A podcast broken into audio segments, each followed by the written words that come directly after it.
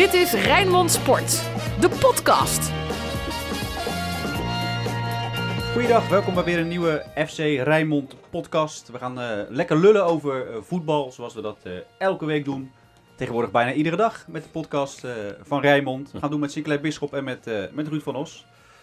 Goeiedag heren. Goeiedag. Goeiedag. Feyenoord, laten we daarmee eh, beginnen Sinclair. Gewonnen weer. Eh, zakelijke overwinning wordt er dan gezegd. Ben je het daarmee eens?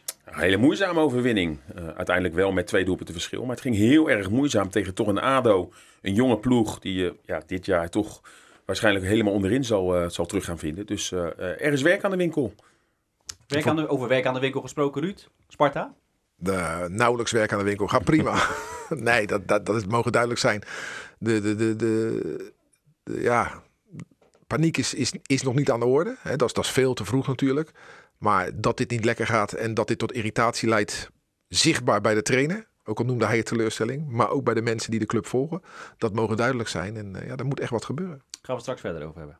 Rood, wit, bloed, zweet. Geen woorden maar daden. Alles over Feyenoord. Alles over Feyenoord. Ruud, laten we beginnen. eh, het vergrootglas, hè, waar het al heel de week over ging. Het lag op de supporters. Eh, nou ja, wat Mark Rutte zei, ze moeten gewoon hun bek houden en gaan zitten. Eh, eh, Abu Talib ging voornamelijk letten op de anderhalve meter eh, die eh, gehandhaafd moest worden. Ehm, ik heb overal gezien, ook bij ons op de website, volgens mij hebben de Feyenoord supporters zich uitstekend gedaan. Ja, zeker. Ik vind wel dat vanuit zowel regering als de leiding van de stad met één mond gesproken moet worden. Als Rutte zegt, je moet je mond houden. En als Abu Talib daarna zegt, nee, daar let ik niet op. Ik let alleen op anderhalve meter. Vind ik een slecht signaal.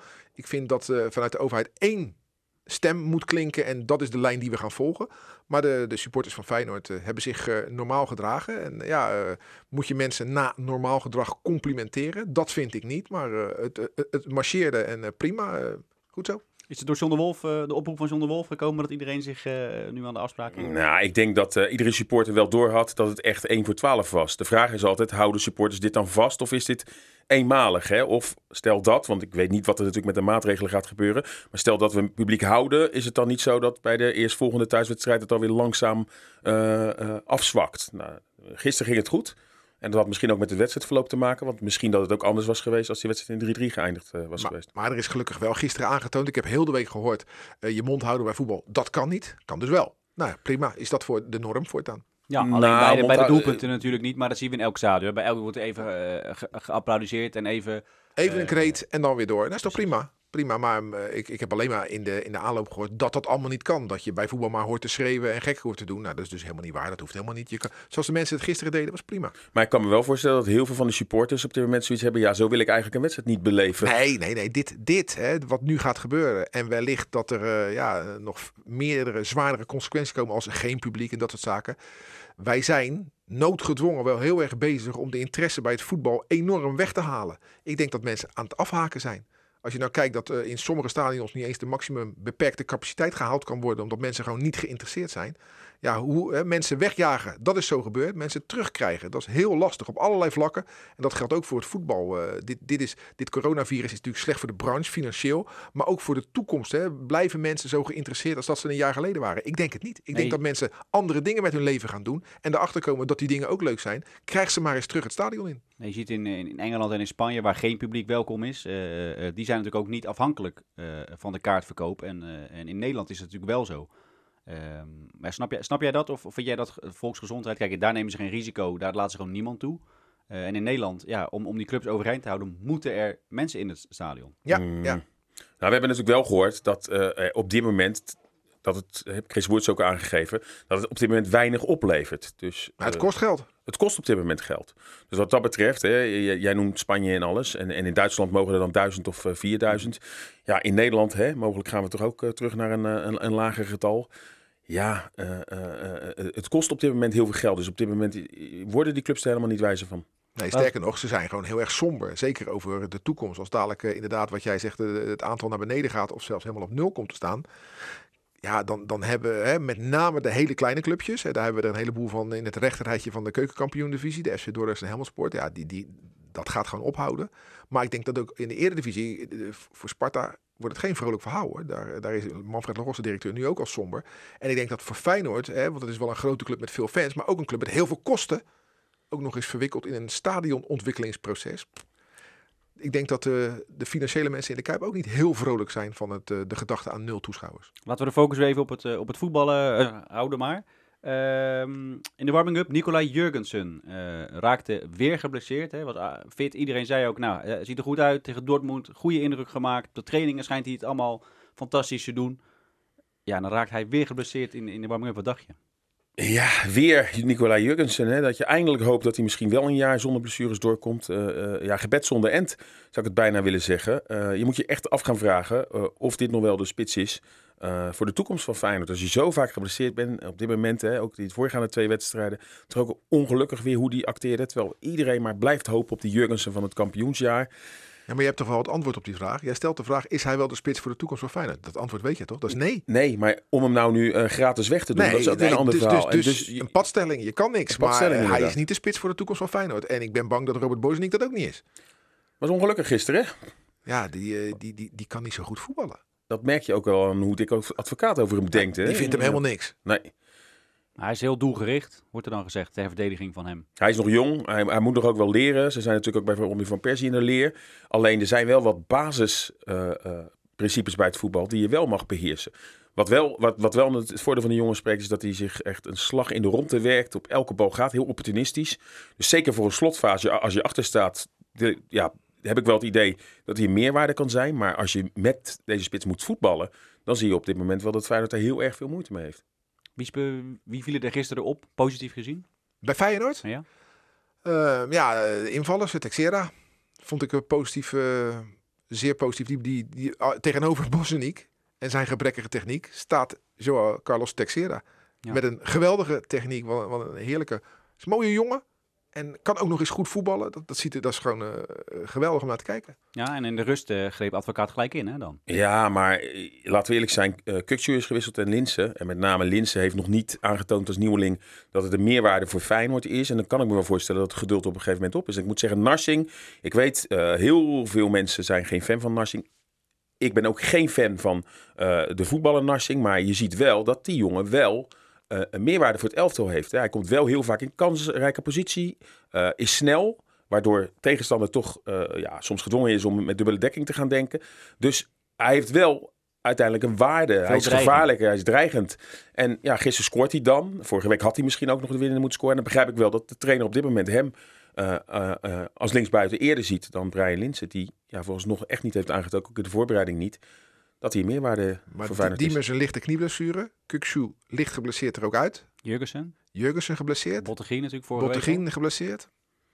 Ja, en dan geeft het toch nu al aan waar Dick Advocaat toch wel bevreesd voor was voor Van het seizoen. Beek geblesseerd Van Beek, dit seizoen. Op het moment dat uh, nog niet speelgerechtigd, als er ja, iets te veel gebeurt met het elftal, dan moet je dat maar op zien te vangen. Nu hebben ze het geluk gehad met Pek Zwolle, Twente en uh, uh, ADO Den Haag dat dat toch tegenstanders zijn eigenlijk van het rechte rijtje. Want ja, je had nu echt al in de problemen geweest met al die blessures en, uh, en het spel de, de vorm waar Feyenoord in verkeert. Als je echt sterkere tegenstanders krijgt. En dus is komend weekend Willem II uit echt wel een graadmeter waar Feyenoord echt staat. Maar gelukkig heeft Feyenoord een fantastische jeugdopleiding, hè, waar Dick Advocaat uh, uit kan putten. Zo, dat cynisme in zijn ogen hè, en in zijn stem. Bij ja, Jaap, ja. Je hebt gelijk, die, Dick Advocaat vindt de jeugdopleiding van Feyenoord uh, niet voldoen. Tenminste, het, het, niveau van de jeugdspelers is voor hem uh, niet hoog genoeg om ze bij de selectie te halen. Dus uh, hij is daar heel eerlijk in. Uh, ja, sommige mensen kunnen dit uitleggen als kapitaalvernietiging. Want je leidt spelers op en haal ze erbij en geef ze de kans. Nou heeft, het speelt ook nog corona daar een rol in. Hè?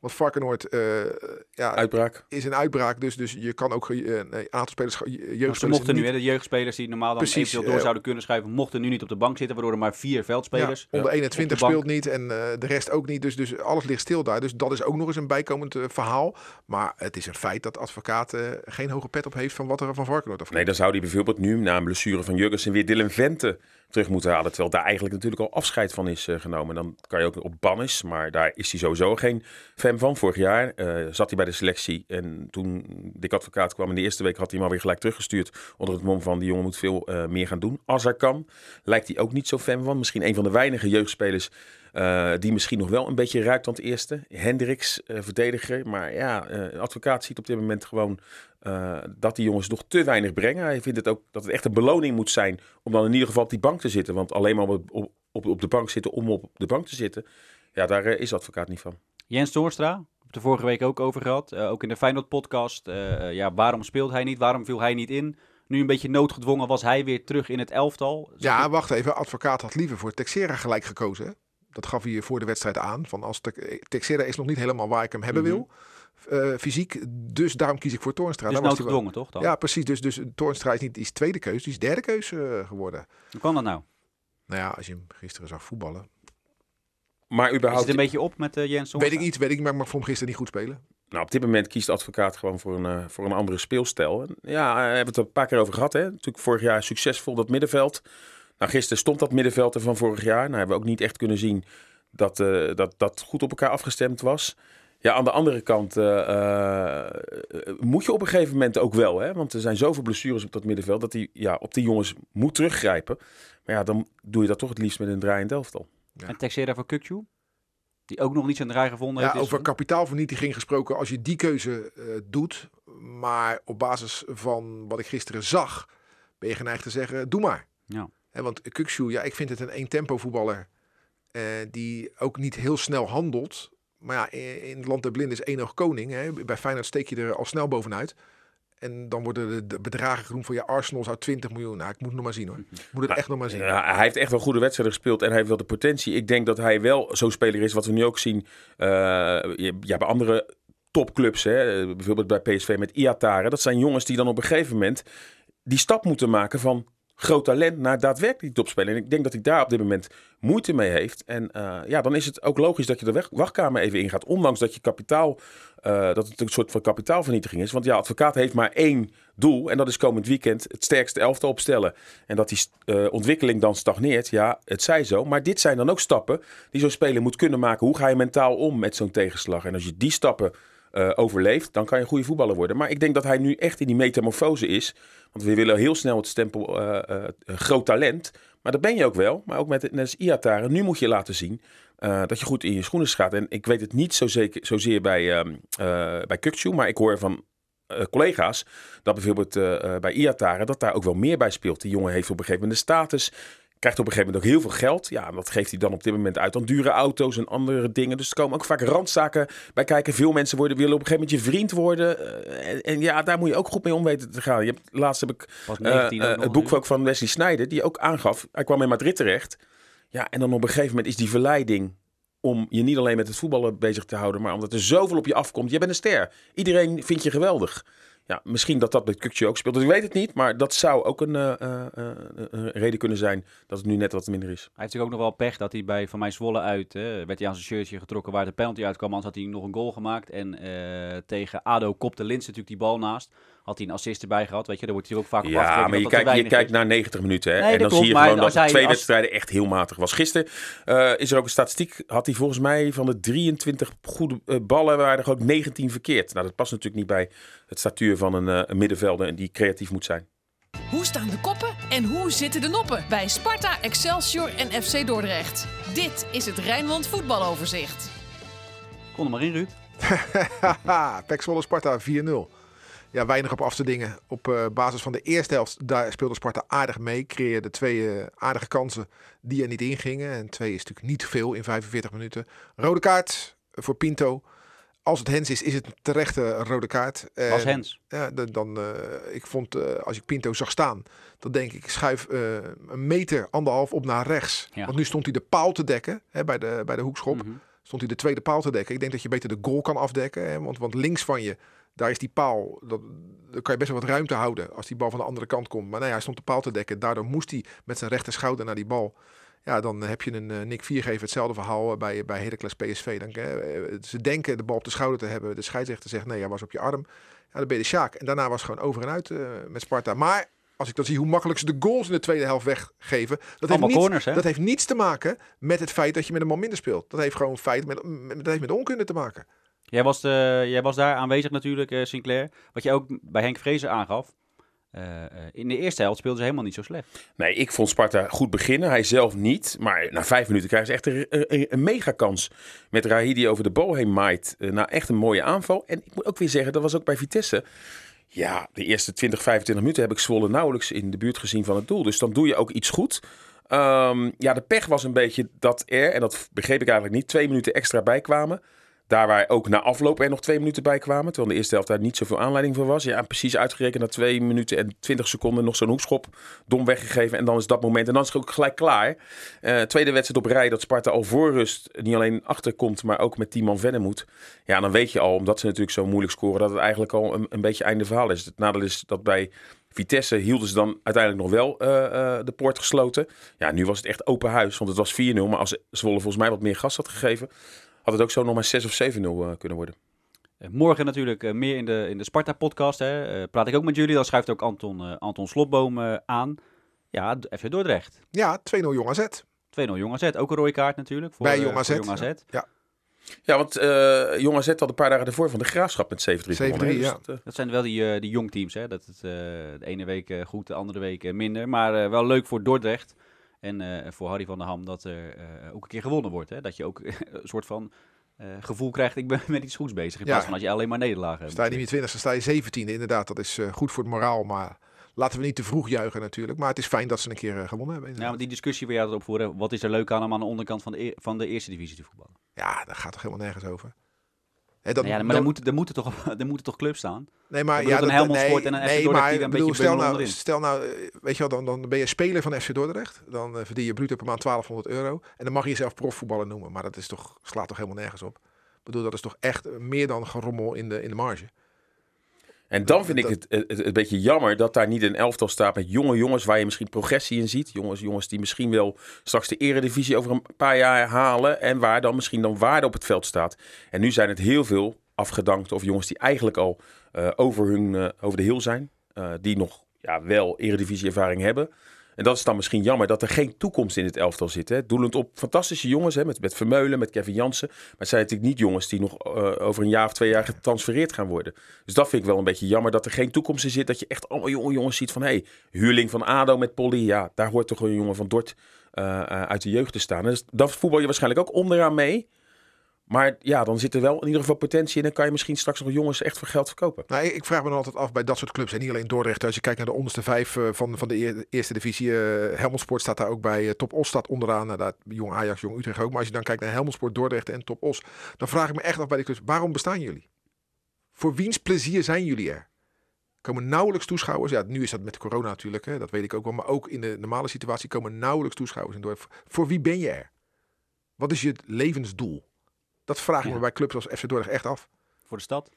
Maar Nee, om, niet. terug te, Nee. om terug te keren. Kijk, vroeger hadden ze dan wel soms spelers waar je dacht van... hé, hey, en, en die worden dan misschien nog eh, verkocht. Of daar zit... eh, maar, maar ja, het is... Ja, maar de laatste, wat is het, sinds de degradatie, om het maar zo te zeggen. Hè? Een jaar of vijf geleden.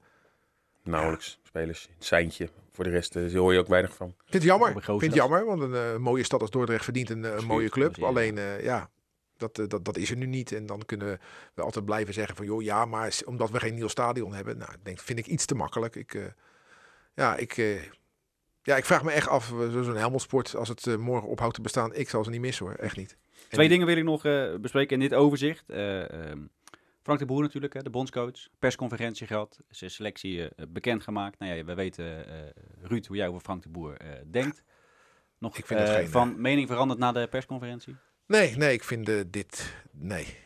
Dit is geen Ronald Koeman, dat niveau heeft hij bij lange na niet als trainer. En eh, dit is niet een trainer die dingen verandert. Dit is een trainer die de boel de boel laat.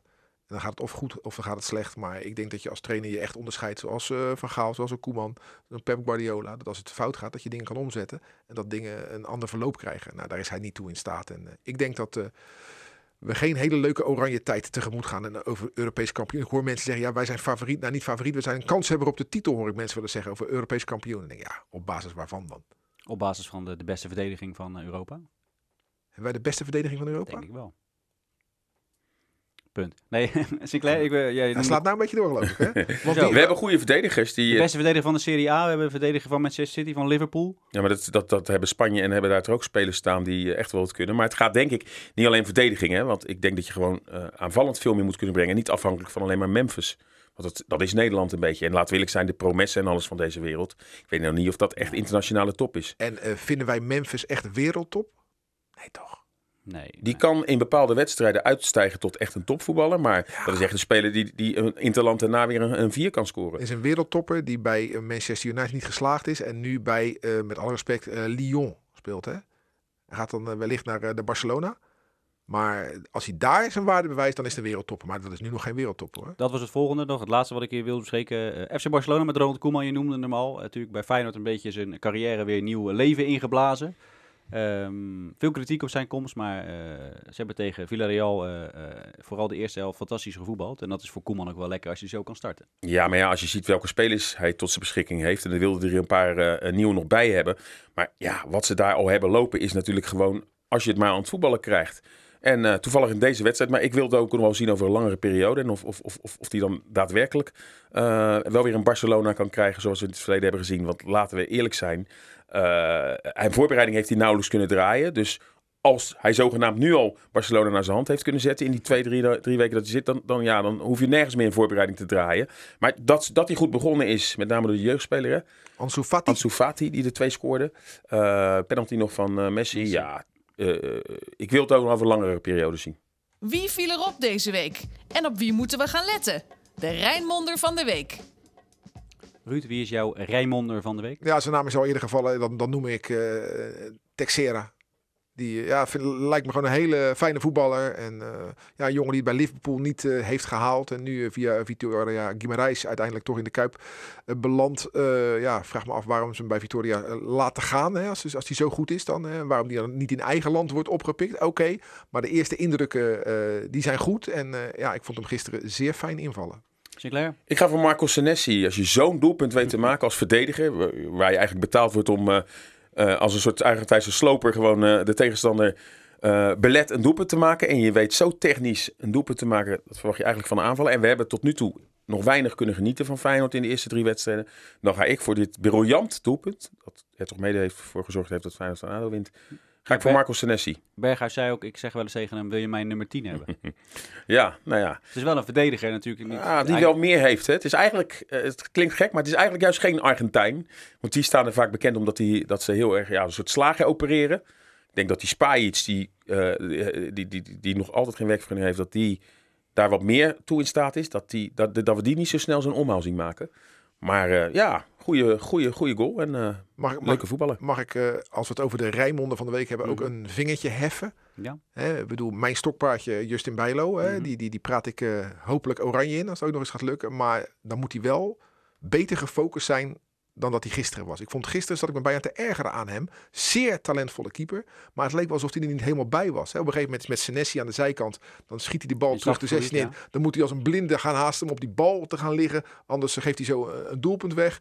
Ook met de, het Had veroorzaken... dat niet met die irritatie nog te maken, toch van al die dat penalties wat nou daar ja, gebeurde? dus moet hij gefocust blijven. Dat Ja. bedoel ik. En ook de, de, de- met de strafschop. Aan het eind van de wedstrijd die bal heel nonchalant met één hand uit de lucht pakken. Die status heeft hij nog niet. Als je zo'n jonge jongen bent, dan pak je die bal met twee klauwen en dan ga je gewoon verder. En hij moet oppassen dat hij niet al nu zich gaat gedragen als iemand die al eh, 15 jaar in de eredivisie speelt. Deze jongen moet van A tot Z gefocust blijven en dan is hij ontzettend goed. Maar als hij van A tot L gefocust is en de rest niet, dan is het gewoon een, een matige ballenvanger. Dus als hij gefocust is, beste keeper van Nederland.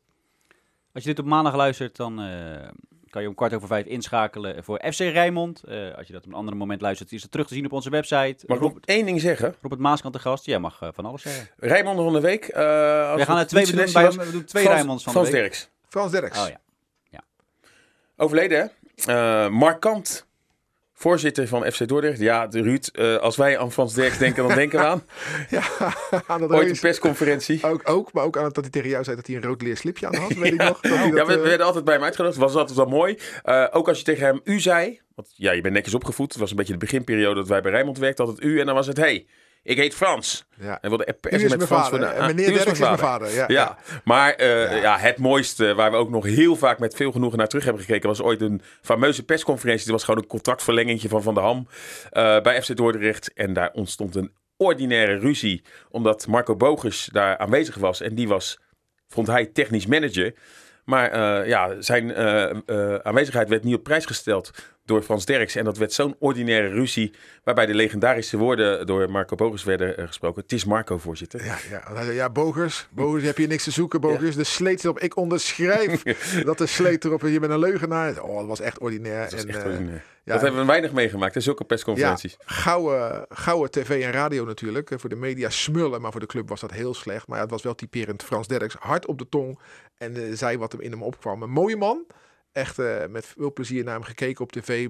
Met veel plezier heb ik hem meegemaakt bij FC Dordrecht. En onderscheidend als scheidsrechter. Onder mijn leiding winnen, wint nooit een Duitse club. Ja, dat is echt eh, geweldig. En eh, ja, mogen hij eh, rusten in vrede. 89 jaar. Het is altijd te vroeg dat iemand heen gaat. Dus eh, ook in dit geval de, de, de nabestaanden van eh, meneer Derks wens ik heel veel sterkte. Mooie afsluiter van eh, deze FC Rijnmond podcast. Dankjewel Sinclair, dankjewel Ruud. Morgen dus de Sparta podcast. Vrijdag weer een Feyenoord podcast. Zondag een amateurvoetbal podcast. En dan maandag weer een lekkere FC Rijnmond podcast. Lekker lullen over voetballen. Dit was Rijnmond Sport, de podcast. Meer sportnieuws op Rijnmond.nl en de Rijnmond app.